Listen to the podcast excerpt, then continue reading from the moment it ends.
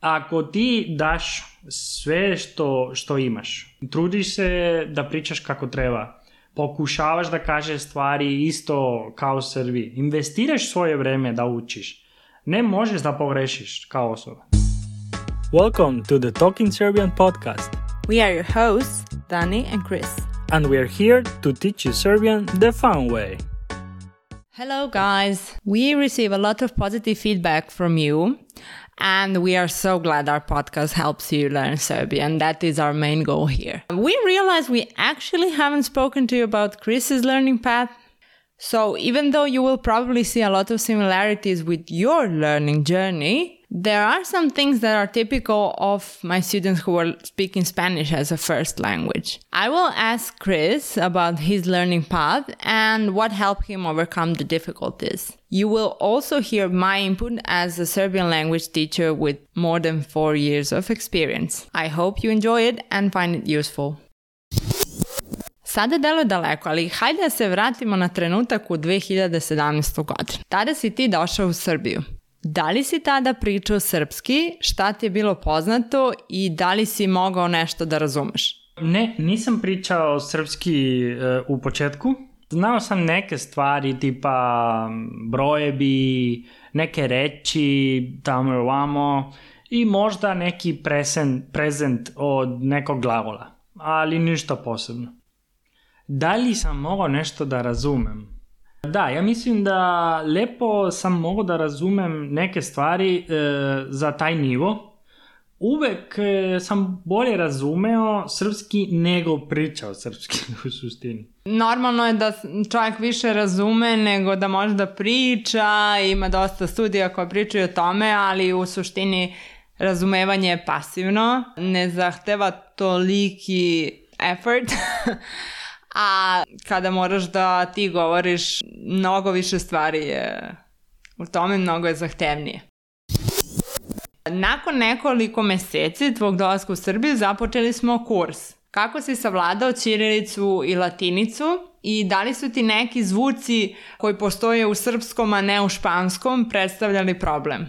Pa dobro, latinica u suštini nikad nije bila problem. To, to je isti kao letaš, ka, Kako Dobro, to... ali mislim na baš ta slova koja vi nemate, na primer. Aha. Ili naročito što je bio problem mojim učenicima su uh, zvuci kao što su lj i nj, koji se zapravo pišu uh, od dva slova, sa dva slova, ali se uzimaju kao jedno, mislim da je jedno hmm. slovo. E, ne mogu da kažem da to je bilo problem, jeste sam ima, imao e, neke probleme sa kad moram da kaž, da, da govorim neke, re, neke e, ne reči, ali vowels ili...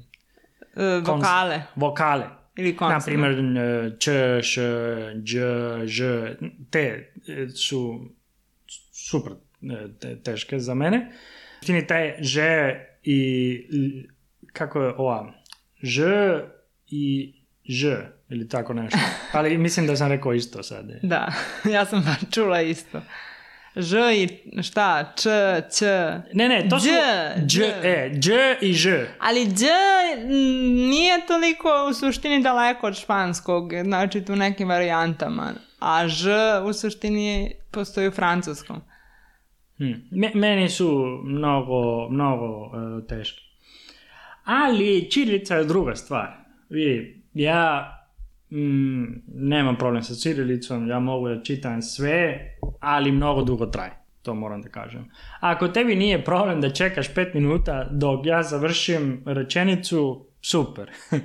Ako žuriš negde, pa onda, onda to je problem. Većina ljudi nisu toliko istrpljivi, moram da kažem, ali šalim se, mislim. Čirilica mi je pakao, kad vidim veliki tekst, sa čirilicom krene da me voli glava u suštini. A, najgore što e, sve administrativno je na ćirilici, onda ne samo da ti dođe papir na ćirilici, nego dođu neke reči koje otprilike ni ja da. ne razumem i onda sad, ajde, ko će da, ko će da to vidiš o čemu se radi. Da, da, ne mogu da lajem, to je to je teško. Ne mogu da lažem. Lažem, da, lajem je to je što kaže pas. Da, da. da, da, da. to, to je to. I te probleme sa, sa vokalima. Dobro, da li i dalje imaš neki zvuk koji ti predstavlja problem? Mislim da taj, taj ž i dž, to su teške. Pre sam imao probleme sa š, č, č, ti, te tri, ali sad su ok,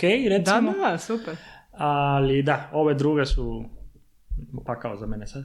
Da li ti je teže sa tim zvucima kada ih vidiš kao napisano pa treba da pročitaš ili kad e, čuješ reč pa treba da ponoviš? Kad, kad moram da ih čitam.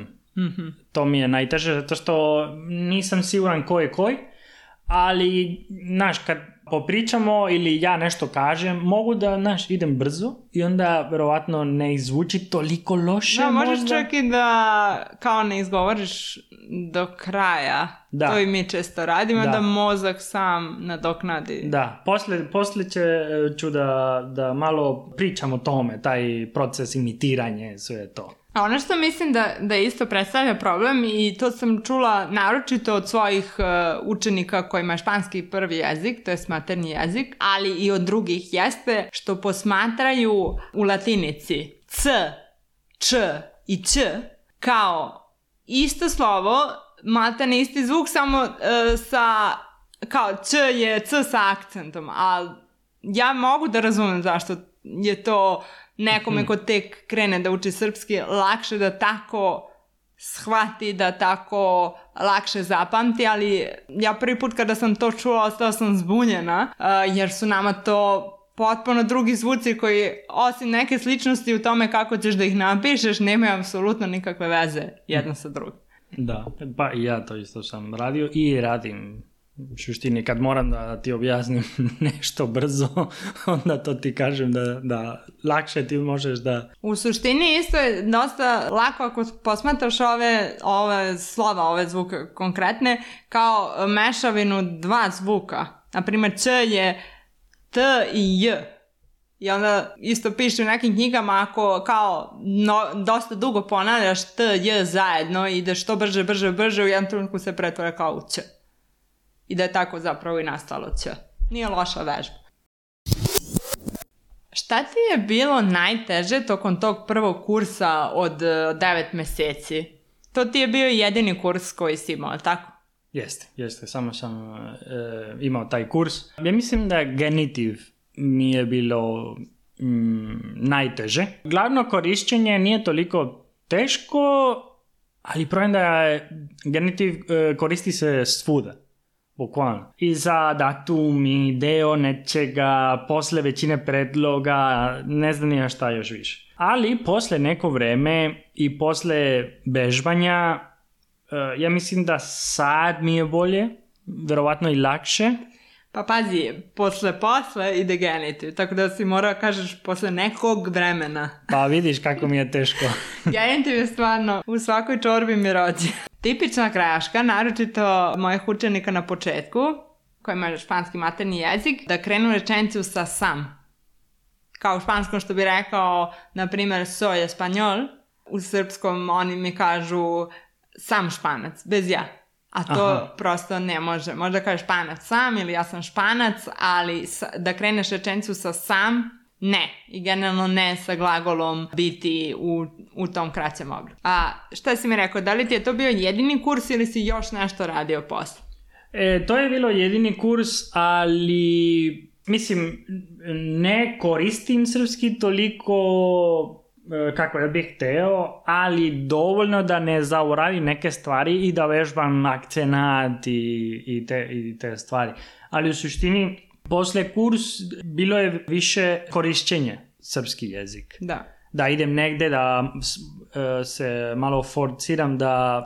Forsiram. Aha, forsiram da da pričam i da, znaš, da malo se trudim da... Da, da se oslobodiš. Da se oslobodim to. Da, samo jedna stvar. Ovo toliko, ne koristim srpski toliko koliko, ide toliko koliko, ako pričamo o količini. Mhm. Mm ne to, koristim srpski toliko koliko bih hteo, znači aha, količinski ne aha. koristiš koliko bih hteo, a ne koristim tako kako bih hteo. Način. Aha. Naprimer, ne koristim tako kako bih hteo u smislu ne koristim na poslu. Mhm, mm mhm, mm razumem. E, pa nisam znao za to. Ali e, to se meni dešava nekad u španskom, neki izraz sam čula, pa e, prespojiti se u glavi s nečim drugim. Koja je bila tvoja strategija za učenje, ako si uopšte imao neku strategiju ili je samo bilo go with the flow? Pa u suštini nisamo e, strategiju, ali nije isto bil, nije bilo go with the flow. Mislim, a, ja sam pratio lekciju Mm, najbolje što mogu i trudio sam se da lepo razumem padeže i kako i zašto menjaju. Da što se menjaju. Da, aha, da, zašto se menjaju. Ja mislim da uglavnom jezici e, su logični i često imaju logiku, recimo. Ne, nije nešto kao haotično, kako da ti objasnim. Nije nešto da samo postoji, to je, ima neku logiku, to je kao neki kod naš, između ljudi da mogu da, da se razume. Uglavnom, da, postoji sistem u nekim jezicima, taj sistem obuhvata više stvari, u mhm. nekima manje pa imaš više nepravilnih stvari od kojih nije mogo da se sastavi ni jedan sistem, ali da, mhm. Trebalo bi da postoji. E, za mene neke stvari imaju smisla. Ne, ne znam kako da ti objasnim bolje. Kao da moj mozak lepo hvata zašto neke stvari postoje i se dešavaju. Povezuje. Da. Ali jeste sam imao strategiju za vežbanje i korišćenje. E, naprimer, prvo, mnogo sam slušao kako vi razgovarate, šta koristite, kakva je tona, intonacija i, i kako je, uglavnom pričate, koja je situacija u kojoj to koristite, pa onda drugo, trudim se da vas imitiram. To je to. Mislim, da pokušavam da radim to što vi radite, kako to vi radite. Mislim, to što vi pričate, kako to vi pričate. Na način na da. koji. Da. Isto mislim I, da pomaže i gestikulacija. Da, da. I onda m, mm, to izgleda lepo zato što vama, vama to je prirodno i vama izvuči dobro ovo što ja mm, kažem. Verovatno je i pogrešno, ali Intonacija mnogo znači da... Da, mislim da intonacija, pokreti, ta gestikulacija je to... Jer ti možeš da naučiš jedan jezik, da ga pričaš pravilno, ali falit će ti nešto, mm. ne, negde će da se čuje da, da to nije to, nešto će faliti. I ja se sećam kada sam, kada sam otišla u Španiju, pa sam tamo boravila neko vreme, neke ljude nisam puno videla, I nakon što sam bila, na primjer, 2-3 meseca, rekli su mi, wow, nekako mnogo bolje pričaš. A onda kao, a možda ne pričaš bolje, nego jednostavno više ličiš, više imitiraš, da, više da. gestikuliraš kao što bismo mi to pričali. Tako da, da je, zato je jako bitno da provodite vreme sa ljudima da ih posmatrate, znači aktivno da, da, da gledate, da primećujete stvari i ovaj u krajnjem slučaju da e, uključite TV pa i tu nešto da, da upijate, ali prosto to je ono što stalno ponavljamo da samo na časovima nije dovoljno da, da sve to što čini govor na jednom jeziku ovaj, prosto naučite i usvojite.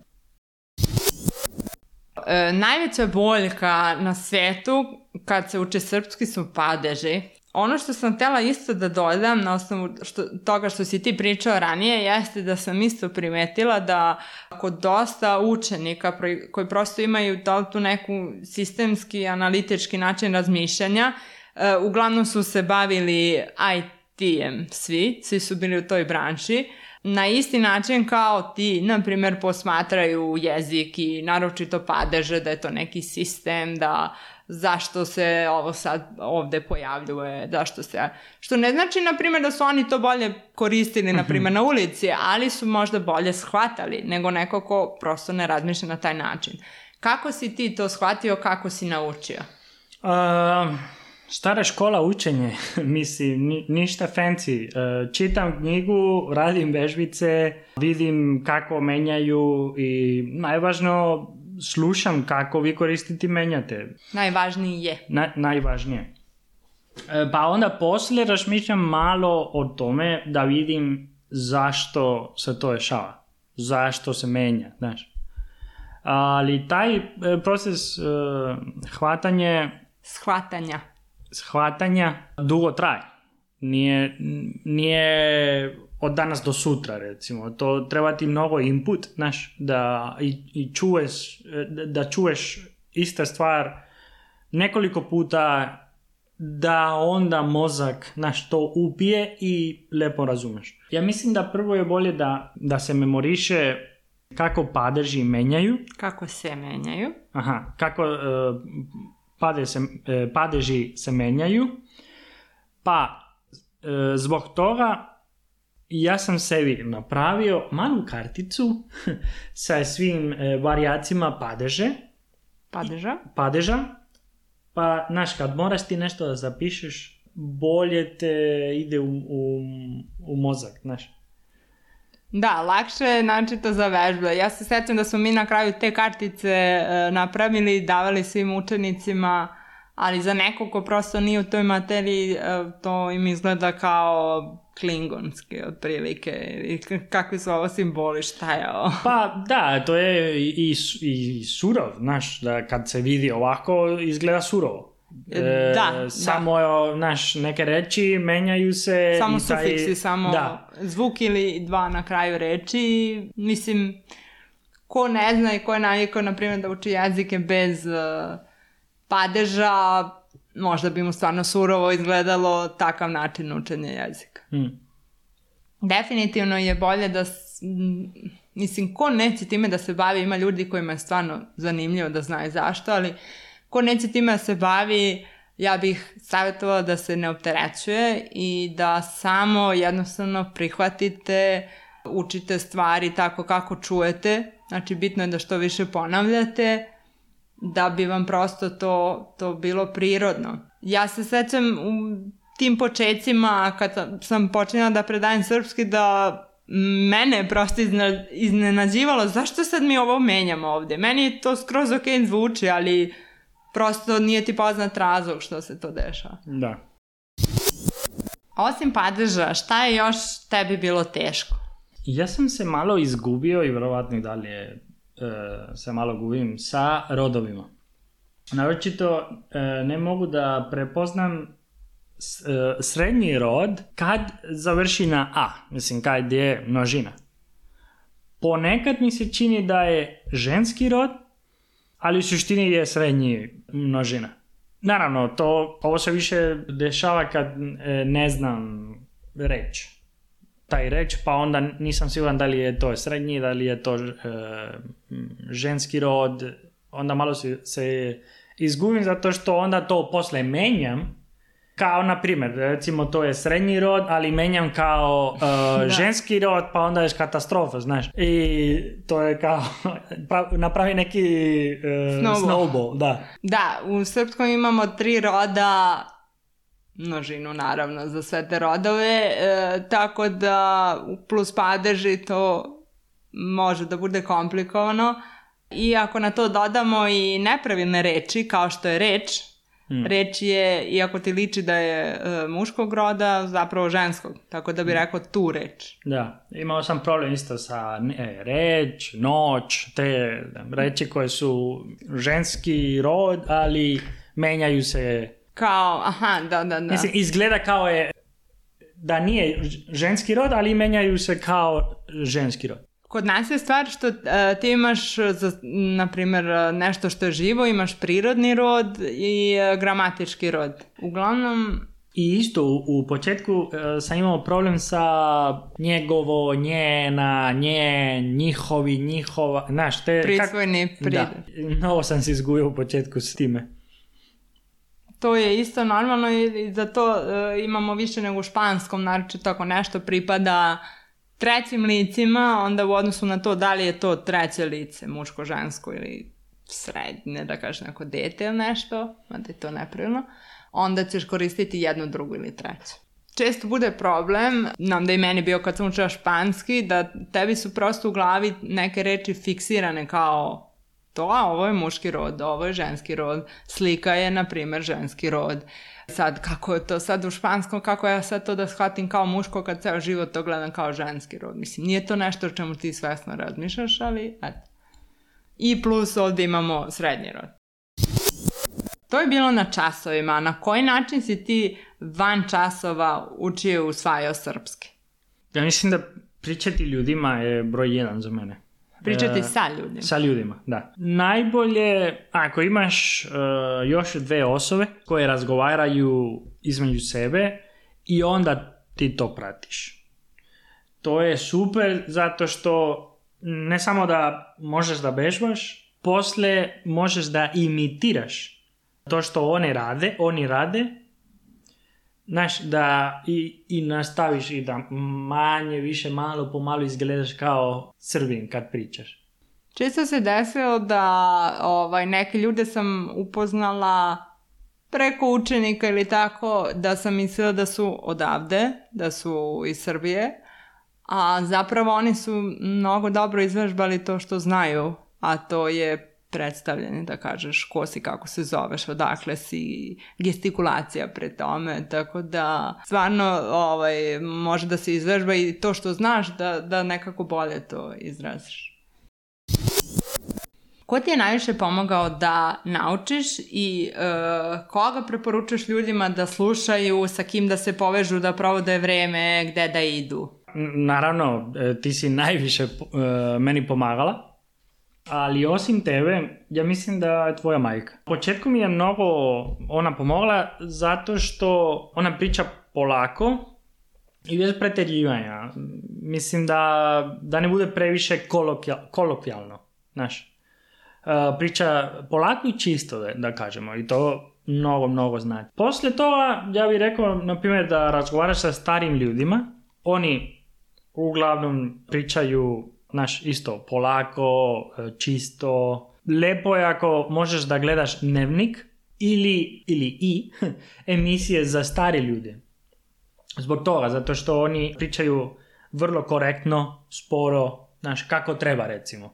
Nema taj e, haotičan e, razgovor od mladih, znaš, srp, srpski kako treba reći. A, manje više, gde god da ideš, možeš da vežbaš. I to je mnogo, mnogo bitno da, da pričaš, da, da vežbaš i da pokušavaš. Ne. Ali u početku, kad ništa nisam znao, moje omiljeno mesto je bila pijaca. Tamo sam mogao da vežbam mnogo stvari i vokabular, znaš, i ovaj prezent, ja hoću, znaš, te, te stvari. Ja mislim da, da mislim da to je to i tamo isto, oni su bili vrlo ljubazni.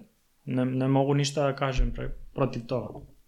Ja moram da kažem da se dalje ljudi dosta šokiraju kad vide da stranci pričaju srpski, što nije slučaj u mnogim drugim zemljama gde su jezici veći, ima više govornika, imaju nekako, nekako su više zastupljeni u svetu, tako da iskoristite i to što ne, niko vas neće kritikovati naprotiv. Ovo je sad moje lično zapažanje. Danas ti meni izgledaš kao da se osjećaš jako slobodno kada ideš negde, treba da pričaš sa nekim, bilo čemu da se radi. Mislim, snimaš podcast na srpskom ili, na primjer, treba da naručiš piće, da rešavaš neke administrativne stvari, da se svađaš u vožnji, na primjer i tako dalje. Kako si ti uspeo da premostiš taj osjećaj stida koji ljudi često imaju kad pričaju na drugom jeziku? Hm, prvo moram, moram da, ti, da ti kažem da nije lako. Hm. E, taj osjećaj stida je mnogo moćan, ali naravno možeš da, da pobediš. Za mene je bilo mnogo lakše od kad sam razmišljao o tome i razumio sam da da mi ne možemo da pogrešimo kao osobe. Hoću da kažem. Naravno, srpski nije naš materni jezik i kako mi pričamo nije 100% tačno. Ok. Ali, ako ti daš sve što, što imaš, trudiš se da pričaš kako treba, pokušavaš da kažeš stvari isto kao Srbi, investiraš svoje vreme da učiš, ne možeš da pogrešiš kao osoba. Ti, ti si radio sve što možeš, znaš samo nastavi, vežbaj. Ljudi ovde su vrlo strpljivi e, kad vide da si stranac. Ili ta, to je moj utisak. Lepo je kad znaš da ti si pričao najbolje što možeš i uspeo si. I ako nisi, pa nastavi da učiš i da vežbaš, zato što sledeći put onda ćeš uspeti. Da, i nemojte da se obeshrabite isto je ovaj razlog što sam rekla da ljudi nisu naviknuti da, da stranci hoće da pričaju srpski. Nekad može da se desi da, da ne očekuju taj neki drugi akcenat ili tu neku grešku ako napravite, pa onda vas prosto onako i oni su čudu ili vas ne razumeju, ali vi insistirajte na tome da, da pričate srpski, nemojte da se vraćate na engleski morate da pređete, morate to da, da pređete preko toga prosto. Da, da, ja sam nekoliko puta kad meni je bilo bukvalno stramota, znaš, nešto sam pogrešio, nešto nisam rekao kako treba ili, ne, ali to ti je škola. Da, da. Da li se sećaš kako ti je bilo to u početku da si mora da, da pričaš sa nekim, kako si se osjećao osim tog stida koji, koji imamo? Šta si još osjećao? Uf, teško. Malo sam se isfrustirao uh, kad nisam mogao da kažem to što hoću. Mislim, naravno, da nije prijatno kad ljudi te ne razume. U nekom trenutku ja sam se osjećao bukvalno kao glup, znaš. Ili kao malo deti zavisi koliko se isfruštiraš, možda se osjećaš ili jedan ili drugi. Ali sve to prođe kad e, postaješ bolje, znaš. Samo to, samo malo po malo, polako, ali konstantno. I onda sigurno ćeš e, biti bolje. Znaš. Da, i nemojte od sebe da očekujete odmah neki perfekcionizam napravit ćete 150 grašaka, čak i za stvari koje već znate, zato što je nama jezik često brži od pameti, tako mi kažemo. To jest, brži nam je jezik od mozga. Mozak, kada čuje što ste rekli, on isprocesuje šta se desi, kao, uf, greška. Ali nema veze, idemo dalje. Za kraj, šta bi preporučio svima koji žele da nauče srpski? da ih motivišeš ne samo da uče, nego da se oslobode da vežbaju i da pričaju. Hmm. Dobro, definitivno e, treba ti e, motivacija ili cilj neki. Zašto moraš da naučiš srpski? To moraš da razmišljaš. E, zbog posla, e, zbog ljubav. Zbog ljubavi. Zbog ljubavi. Neki drugi biznis, ne da nija šta, nešto drugo potpuno, nema veze. Šta god. To mora da bude bitno za tebe. I onda razmišljaj kako znati bolji srpski e, doprine za taj e, cilj. Cilj, da, cilj. Kako e, srpski doprinosi tom cilju? Da, da. Koja je poenta od e, učenje? Naš? Da, kako može da ti pomogne? Da. Srpski nije toliko teško kako se kaže. Težak. Naš, težak jezik, kako, kako se kaže. E, ja mislim da neki ljudi ovde su baš e, ponosni da srpski bude težak jezik, znaš? Najteži. Da, da. I da je mnogo teško da se uči i ne može svako da, da priča srpski i, i te stvari. Ali interesantan je jezik kao svi jezici, ne samo srpski, svi. Ima zanimljivi i ljubazni ljudi s kim možeš da pričaš i vežbaš be, bez brige puno ljudi će pomagati da budeš bolje i to je isto mnogo, mnogo bitno. Da možeš da isačeš na ulici i pričaš sa bilom kojem i, i to je okej, okay, znaš. I oni voli kad ti, kad, kad se vidi da ti se, te, se trudiš, da razgovaraš e, sa njima na dži, njihovom jezikom. Na njihovom jeziku. Aha. Njihovom jeziku. Jeste, to da svi pričaju da je srpski jako težak i nekako pokušavaju da te obeshrabe, to je, ja mislim, isto nešto kao što svi ponavljaju prosto bez nekog razmišljanja. Drugo, razmislite ako ste na primjer na nekom kursu u grupi pa dosta ljudi odustane pa hoćete i vi razmišljate da li je sve to vredno, da li je to stvarno taj jezik toliko težak, E, razmislite koliko stvarno ste uložili u to, koliko imate dodira. Ja stalno ponavljam, ovaj, ne možete naučiti jezik samo na kursu, morate da imate neke dodirne tačke, morate svakog dana malo da slušate, da vežbate. Meni se isto ovo dešavalo u Španiji kada sam predavala engleski jezik, e, gde su ljudi pričali da je engleski jako težak, da je izgovor engleskog jako težak, e, gde sam ih ja pitala, dobro, koliko vi slušate aktivno engleski tokom dana, naravno ne slušaju uopšte, gledaju televiziju na španskom, slušaju stvari na španskom, časovi su jedini izvor njih, njihovog dodira sa engleskim. Isto može biti obeshrabljujuće da odmah kao početnik mnogo vremena provodite sa ljudima kojima je maternji jezik, Mm-hmm. Znači to, to što si ti rekao, Kris, sa možda mlađim ljudima koji će pričati brzo, kolokvijalno, koji imaju neke svoje šale, fore. To isto može da, da izgleda kao da je jako teško, zato što je to sad opet neki interni nivo i, i, i u suštini je napredniji jezik.